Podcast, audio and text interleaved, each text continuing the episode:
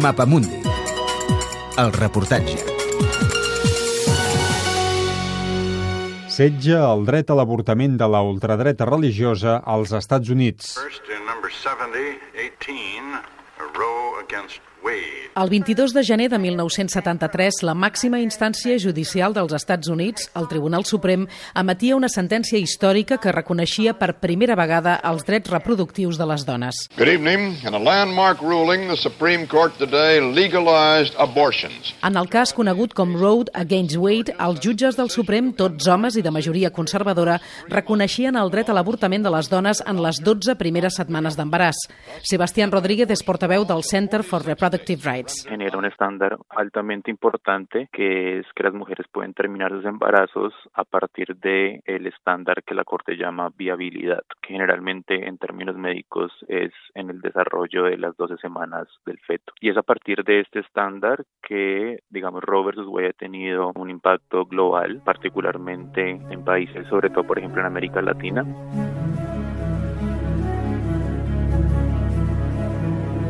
46 anys després d'aquella fita, ara mateix hi ha en marxa més de 200 projectes de llei en 15 estats del país per restringir l'avortament, 28 dels quals han tirat endavant.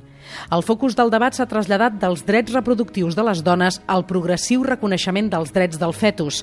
Aziza Ahmed és professora de dret a la Northeastern University de Boston. Alguns estats han intentat passar prohibicions per a més de 20 setmanes d'embaràs o el que anomenen prohibicions del dolor. Parlen del dolor que pateix el fetus a partir d'un moment de l'embaràs i que s'han de prohibir els avortaments. Hi ha estats que han nomenat guardians del fetus. És bastant feta mesura, jo diria, però sí es pot afirmar que als Estats Units aquest interès per regular l'embaràs ha donat més drets als fetus. A newborn baby to come out into the world and then talk to the mother and talk to the father and then execute the baby. Execute the baby. Amb el suport incondicional dels evangelistes i els catòlics més conservadors, el president Donald Trump ha començat una creuada en contra d'estats demòcrates com Nova York, Maryland o Nou Mèxic, que han aprovat o planegen donar llum verda a ampliacions dels supòsits i permetre l'avortament després dels sis mesos de gestació, si existeix un perill per la salut de la mare o hi ha la seguretat que el nadó no sobreviurà. Però per què ara aquest allau d'iniciatives legislatives arreu del país a favor o en contra de l'avortament? I, Brett M. Kavanaugh, do solemnly swear.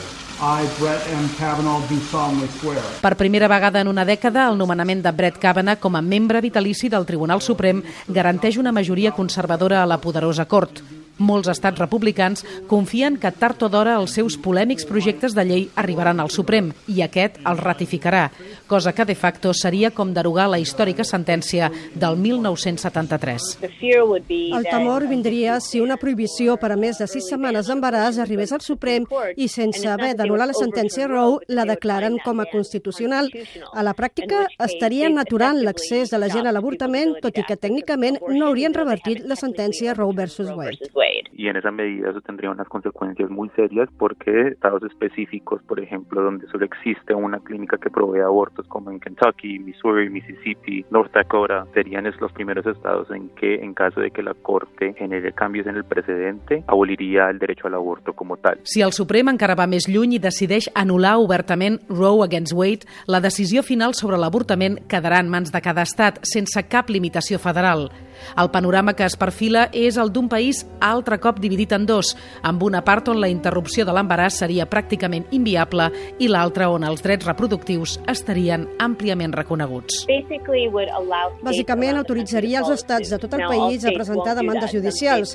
Alguns no ho farien. Estats com Nova York o Massachusetts probablement ampliarien encara més les seves lleis d'avortament i es convertirien en llocs on la gent viatjaria per avortar.